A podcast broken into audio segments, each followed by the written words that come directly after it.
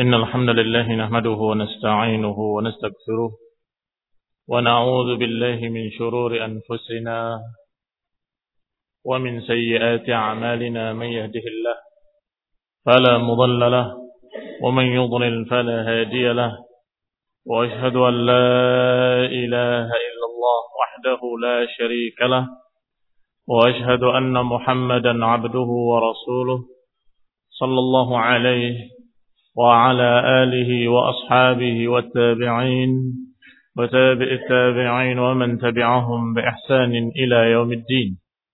يا أيها الذين آمنوا اتقوا الله حق تقاته ولا تموتن إلا وأنتم مسلمون. يا أيها الناس اتقوا ربكم الذي خلقكم من نفس واحدة وخلق منها زوجها وبث منهما رجالا كثيرا ونساء واتقوا الله الذي تساءلون به والأرحام إن الله كان عليكم رقيبا. يا أيها الذين آمنوا اتقوا الله وقولوا قولا سديدا. يصلح لكم أعمالكم ويكفر لكم ذنوبكم. ومن يطع الله ورسوله فقد فاز فوزا عظيما.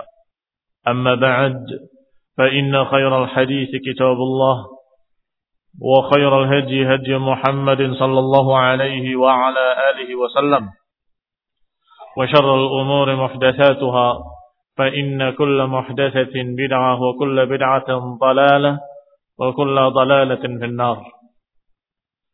إخواني في الدين أعزكم الله كمسلمين سهرمتي إخواني الطلبة رحمني ورحمكم الله. Syekh Al-Imam Abu Ja'far Al-Tahawi masih berbicara tentang masalah ru'yatullah yaumul qiyamah. yakni dipandangnya Allah oleh kaum mukminin yaumul qiyamah fil jannah. Dan juga disebutkan dalam syarahnya oleh Ibn Abdul Aziz Al-Hanafi rahimahullah sampai pada ucapan beliau fa innahuma salima fi dinihi illa man sallama lillahi azza wa jal wa li rasulih sallallahu alaihi wa ala alihi wa sallam. Wa radd ilmi ma ishtabaha alaihi ila alimihi.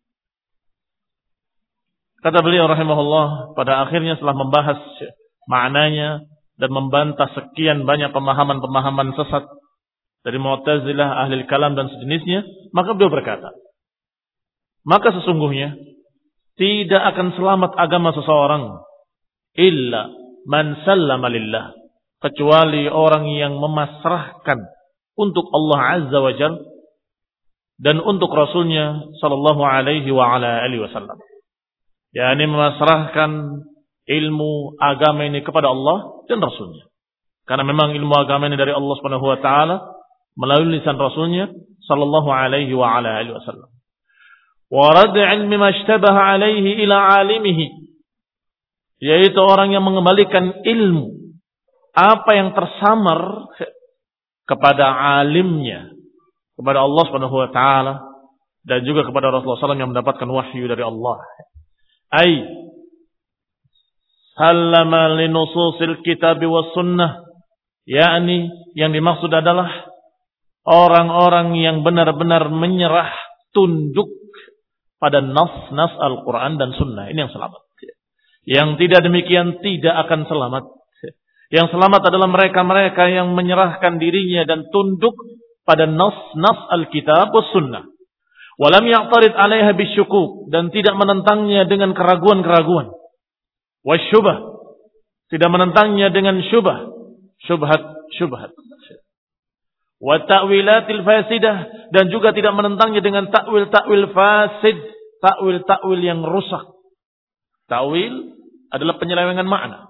Sebagaimana yang kemarin dibahas tentang Mu'tazilah dan Ahlul Kalam yang menolak berita ini, menolak hadis, menolak ayat, mereka berkata, kami tidak menolak ayatnya, tidak menolak hadisnya, tapi bisa jadi maksudnya begini. Mungkin maksudnya begitu. Ini adalah takwil-takwil fasid ditarik maknanya keluar dari makna zahirnya. Dan sudah dibahas kemarin bahwasanya memakna dalam Quran dan Sunnah itu dilihat dari dua sisi. Pertama lafat-lafatnya yang menunjukkan makna tertentu dalam bahasa Arab bil wad'i sesuai dengan apa yang dipakai oleh orang Arab. Yang pertama, yang kedua, qarinah-qarinah. Pendukung-pendukung. Dari dua sisi, makna-makna kalimatnya secara bahasa Arab menunjukkan bahwa mereka akan melihat wajah Allah. Di dalam hadis juga demikian makna-makna zahirnya kalimat-kalimat yang dipakai secara bahasa Arab menunjukkan makna bahwa mereka akan melihat wajah Allah Subhanahu wa taala. Selesai. Ditambah lagi karina-karina. Rasulullah SAW memberikan keterangannya. Seperti kalian melihat bulan atau melihat matahari. Tanpa ada sahab, tanpa ada awan yang menutupinya. Dengan mudahnya, tidak perlu berdesak-desakan. Ini semua menunjukkan bahwa makna ra'a, tarauna, maknanya adalah melihat, memandang. Tidak bisa ditafsirkan dengan tafsir-tafsir lain. Maka siapa yang selamat? Yang selamat adalah ahli sunnah. Yaitu orang-orang yang tunduk kepada apa kata Allah dan kepada apa kata Rasul alaihi salatu wassalam yang lam ya'tarid 'alaiha bisyukuk, yang tidak menentangnya dengan keraguan-keraguan, dengan syak-syak. Tapi saya ragu, masa sih Allah dilihat? Ini syak namanya. Wasyubah, bentuk jamak dari syubhat-syubhat. Pengkaburan-pengkaburan. Juga tidak menentangnya dengan takwilatil fasidah. Tidak menentangnya dengan takwil-takwil fasid. Mungkin begini, mungkin maknanya begitu. Diseret ke mana, diseret ke sini, diseret ke sana Au biqaulihi atau ditentang dengan ucapannya al-aql yashhad bididdi ma dalla alaihi naql. Tidak menentangnya dengan kalimat akal membuktikan yang berlawanan dengan apa yang ditunjukkan oleh naql. Wal aql aslun naql. Sedangkan al-aql adalah asal dari naql. Al-aql itu akal, naql itu nukilan. Nukilan dari Quran, dan sunnah. Ini dalil-dalil nas-nas. Kata mereka, akal tidak bisa terima dan menentang apa yang termaksud dalam nukilan-nukilan. Maksudnya seperti ucapan kita sekarang, ini nggak masuk akal. Masa Allah dilihat? Ini nggak masuk akal. Kata mereka bertentangan dengan akal. Karena bertentangan akal, wal akal aslun naql. Sedangkan akal itu lebih diutamakan daripada nukilan-nukilan. Kata mereka. Lihat, setelah menyatakan bertentangan dengan akal, kemudian berkata bahwa akal itu lebih diutamakan karena dia itu merupakan asal, merupakan asalnya dari nukilan. Faida qaddamna. Kalau bertentangan antara keduanya, maka kami mendahulukan akal. Ini Mu'tazilah. Dan juga yang sejenisnya dari mereka dari kalangan aklaniyun, dari kalangan para rasionalis. Dan termasuk madhabnya madrasah islahiyah. Madhab madrasah islahiyah di zaman terakhir ini yang muncul di Mesir, yang kemudian berkembang-berkembang sampai mempengaruhi organisasi-organisasi di Indonesia. Apa madrasah islahiyah? Madhabnya Muhammad Abduh yang mengatakan idza ta'arad al-aql wan naql faqaddima al-aql fa baqiya 'ala an-naql tariqaini kalau bertentangan antara akal dengan nukilan, maka utamakan akal. Sedangkan nukilannya bisa dua cara. Imma ta'wil wa imma tafwid. Kata dia. Dan mereka, pengikut-pengikutnya dari madrasah islahiyah, sama. Berpemikiran, berpemahaman seperti gurunya. Seperti syekhnya, Muhammad Abdu. Bahwa kalau ada dalil-dalil Quran dan Sunnah bertentangan dengan akal, maka tidak mungkin. Maka harus ditamakan akal, sedangkan ayat dan hadisnya harus ditakwilkan. Kalau bisa, kalau tidak bisa, ditafwid. Baqiya ala nakli tariqain kata mereka. Sisanya pada nakal ada dua cara. Ima ditakwilkan supaya cocok dengan akal. Wa imma dia ditolak dan dikatakan dengan kalimat mufawwid tafwidan bahwa ini nufawwidul amr ilallah Maknanya, wallahu a'lam. Serahkan saja pada Allah. Yang jelas ini nggak mungkin. Loh. Terus maknanya ayat ini apa? Maksudnya ayat ini wallahu taala alam nufawidul umur ilallah. Kita tafwidkan, kita pasrahkan maknanya kepada Allah. Maknanya kita tidak tahu. Ikhwan bin azakumullah yang dikatakan oleh Syekhul Islam Ibnu Taimiyah ini namanya tajhil. Madhab tafwid itu adalah madhab tajhil, pembodohan manusia. Karena ayat dan hadis disampaikan kepada kita oleh Rasulullah SAW agar jelas, agar kita paham. Bukan agar kita bingung. Ini ayat ini apa maksudnya?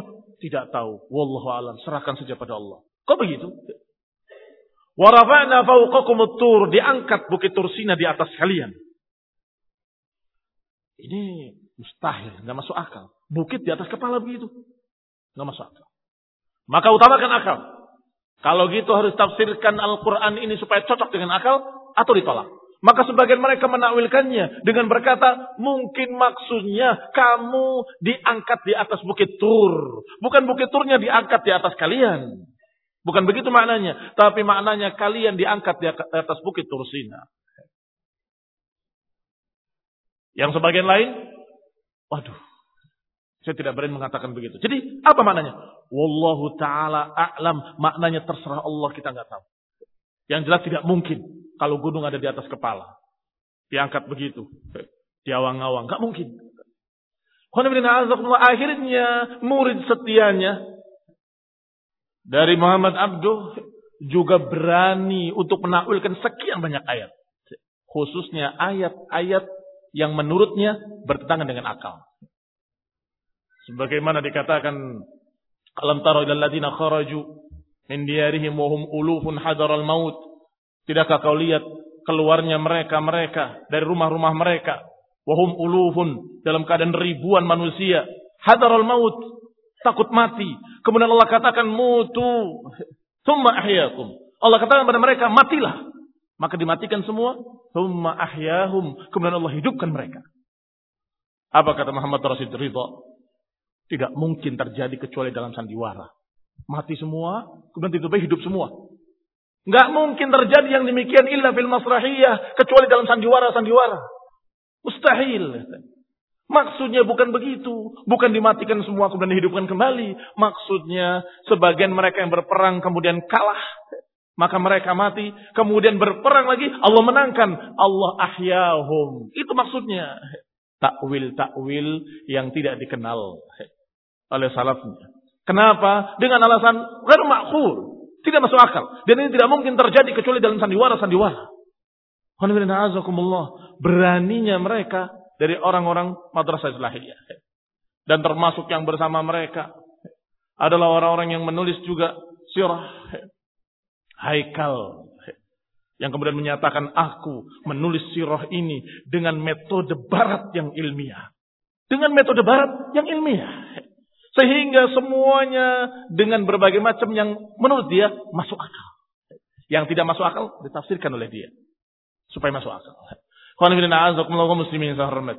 Sehingga apa yang ditulisnya adalah perkara yang madhabnya juga madhab islahiyah yang dari Muhammad Abdu yang prinsipnya idza ta'arad al-aql wan naql faqaddima al-aql fa baqiya 'ala naql tariqain. Kalau bertentangan akal dengan nukilan, maka utamakanlah akal dan kemudian sisanya pada nukilan kita perlakukan dengan dua cara. Ima ditakwilkan supaya cocok dengan akal atau ditafwid, dipasrahkan maknanya kepada Allah kita tidak tahu. Wallahu alam, maknanya nggak bisa dipaham. Ikhwan kurang ajar. Kalau dia berani mengatakan bahwa maknanya tidak bisa dipaham, nggak masuk akal, aneh. Mencerca Al-Quran namanya. Dan itu mengatakan bahwa Al-Quran tidak memberikan bayan. Padahal Allah Subhanahu wa taala berulang-ulang mengatakan tentang ayat Quran, Allah katakan ayatin bayinat. Apa makna bayinat? Ayat-ayat yang jelas. Bayinah gamblang, terang benderang, mudah dipahami dengan bahasa kalian, Quranan Arabian la'allakum taqilun. Quran dengan bahasa Arab agar kalian paham. Kata beliau, kembali kepada ucapan Ibn Abdul Aziz Al-Hanafi rahimahullah. Maka yang selamat adalah yang tunduk dengan apa kata Quran dan Sunnah. Dan tidak seperti mereka-mereka yang menentangnya dengan keraguan-keraguan dengan syubhat-syubhat, dengan takwil-takwil fasid, dengan alasan bahwa ini bertentangan dengan akal, maka kita utamakan akal karena akal itu lebih dulu daripada nakal. Apa ini maksud? Akal lebih dulu daripada nakal. Menurut mereka, menurut mereka bahwasanya akal ini sudah ada sebelum Al-Qur'an turun. Sebelum Rasulullah diutus, akal sudah ada. Maka akal lebih dulu Karena akal lebih dulu, maka akallah al-asl. Bagaimana kita memahami Quran dan Sunnah tanpa akal? Katanya begitu. Sehingga akal merupakan pokok. Sedangkan Quran dan Sunnah cabang-cabangnya. Inna lillahi wa inna ilaihi raji'un. Ini adalah prinsip-prinsip batil dari prinsip-prinsip mu'tazilah dan para rasionalis. Qala Fa'in kana naqal sahihan fadhalika alladhi yudda'a annahu ma'qulun innama huwa majhul. Wahada la yakunu qat. Wahada la yakun qat yang ini tidak mungkin terjadi karena tidak masuk akal, maka harus tafwid. Lakin idza jaa ma yuhim mithla dhalik, tetapi kalau ada yang terkesan seperti itu. Qanifidina azakumullah perlu dikasih keterangan yang catatan penting bahwasanya tidak mungkin akal bertentangan dengan nas-nas Quran dan Sunnah. Tidak mungkin. Ini keyakinan ahli sunnah sebagaimana disebutkan oleh para ulama seperti Syekhul Islam Ibnu Taimiyah rahimahullah. Bahkan beliau punya kitab khusus dan ta'arud baina naql wal aql atau baina aql wal naql. Menepis adanya pertentangan antara akal dengan nukilan. Tidak mungkin bertentangan abadan. Karena yang berbicara dalam Quran adalah Allah yang menciptakan akal-akal manusia. Yang mengutus Rasulullah adalah Allah yang menciptakan akal-akal manusia dan hati-hati manusia. Sehingga tidak akan mungkin bertentangan apa yang Allah turunkan dengan apa yang Allah ciptakan dari akal-akal yang sehat. Kalau akal itu sehat dan nukilannya sahih, tidak akan mungkin bertentangan. Tidak akan mungkin bertentangan. Kadang bertentangan ternyata hadisnya dhaif. Atau ketika hadisnya sahih bertentangan dengan akal, akalnya gak sehat. Akalnya agak kurang. Entah seon atau dua on. Agak kurang sedikit. Sebagaimana musyrikin Quraisy ketika mereka dalam keadaan kafir jahiliyah. Mereka menyatakan mustahil. Tidak mungkin mereka atau tidak mungkin orang ini pergi ke Baitul Maqdis dalam waktu sehari semalam. Mustahil. Tidak mungkin. Karena kenapa dia mengatakan tidak mungkin? Kenapa musyrikin menyatakan mustahil? Karena mereka tidak beriman kepada Allah SWT. Ini kekurangan. Bukan sedikit ini kekurangan besar. Sedangkan Abu Bakar ketika dipanggil dan disampaikan kepadanya, Wahai Abu Bakar, keluarlah. Dengarkan apa kata temanmu itu. Dia mengatakan semalam dia pergi ke Baitul Maqdis. Apakah itu makul? Apa itu masuk akal? Ini mustahil. Apa dia tidak gila? Apa kata Abu Bakar Siddiq radhiyallahu taala anhu? Jangankan ke Baitul Maqdis. Aku sudah beriman kepadanya dengan ayat yang turun min fauqi sab'i samawat laila nahar. Jangankan Baitul Maqdis. Ayat yang turun aku percaya setiap harinya yang turunnya min fauqi sab'i samawat dari atas langit yang tertinggi dari Allah Subhanahu wa taala di atas arusnya. Aku percaya.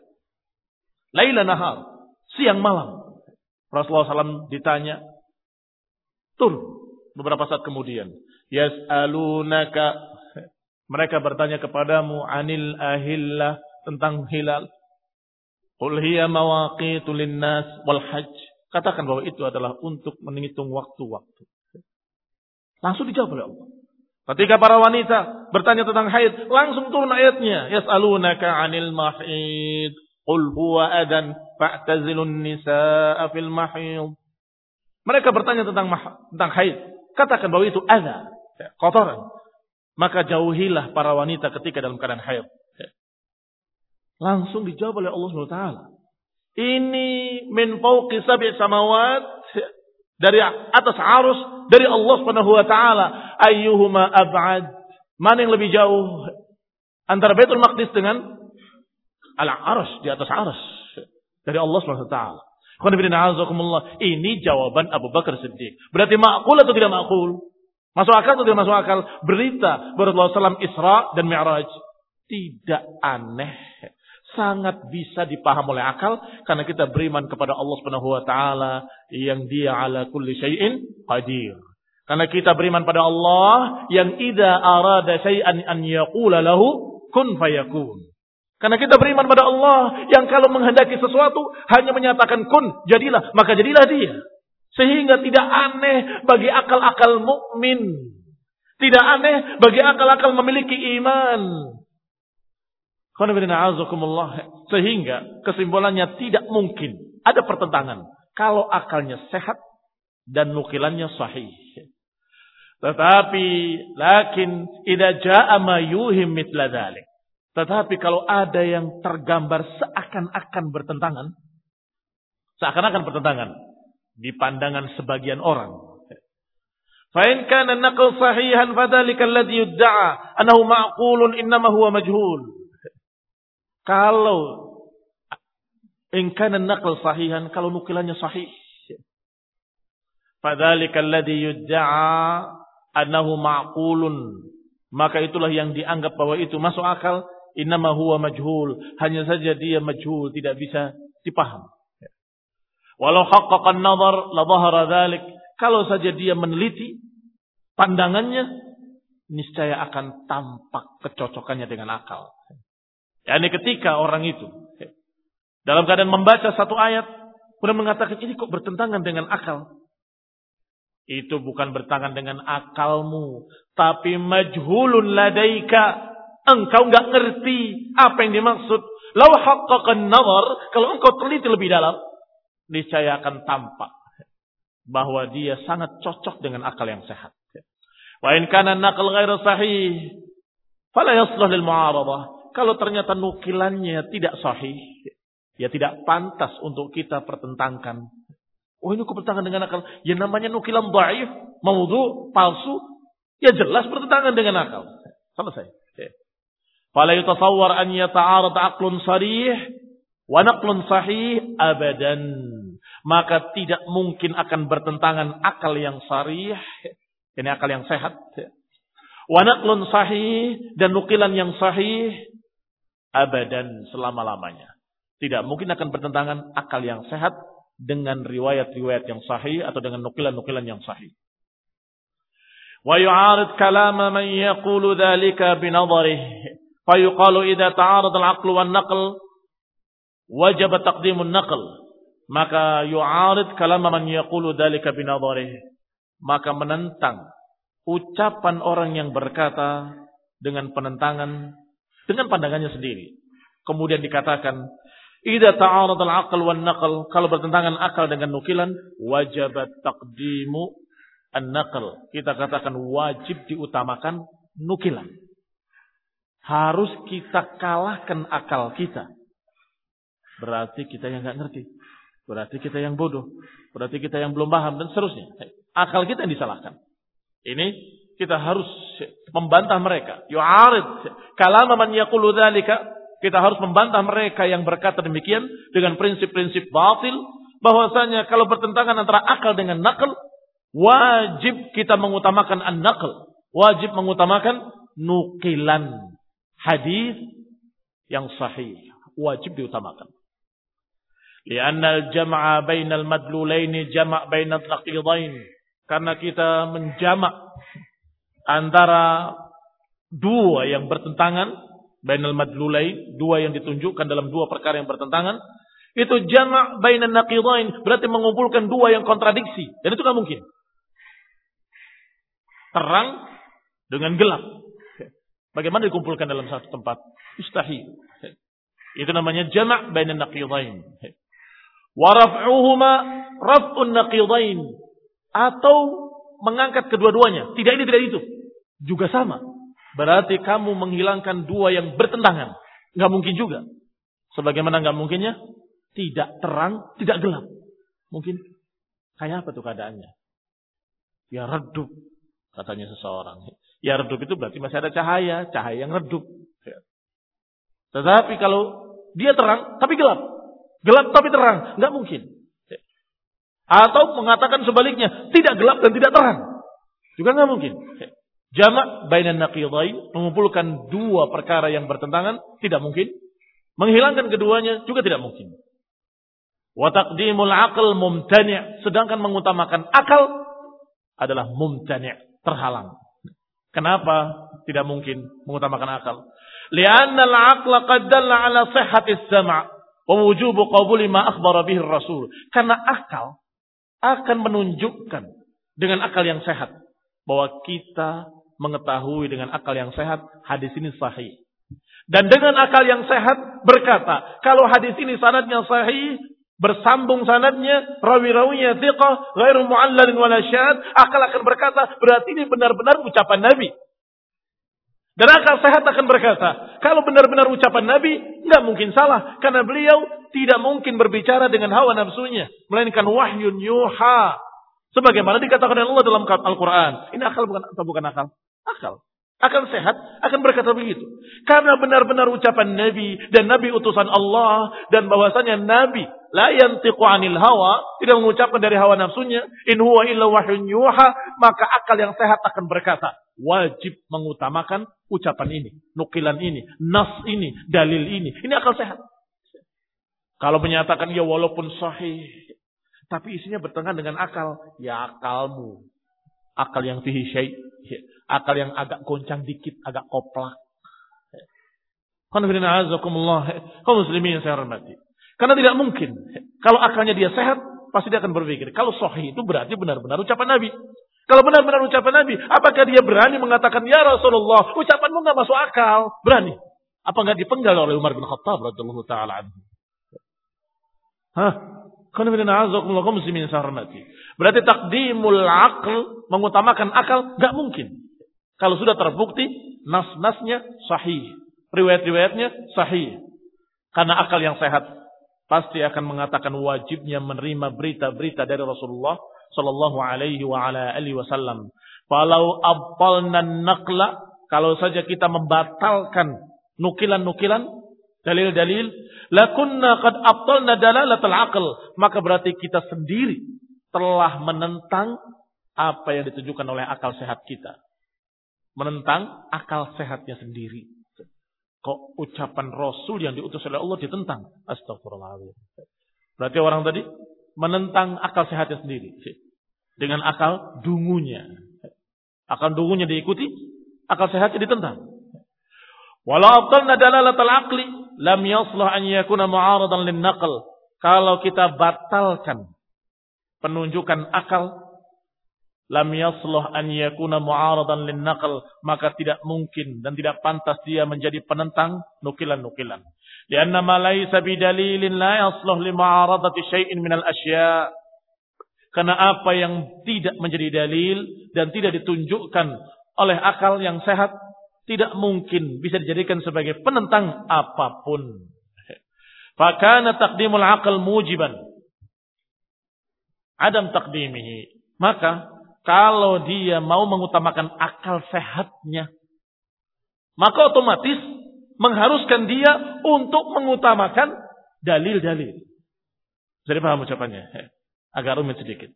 Kata beliau, kalau mereka benar-benar mengutamakan akal sehat mereka, pasti mereka akan mengutamakan dalil-dalil syar'i yang sahih.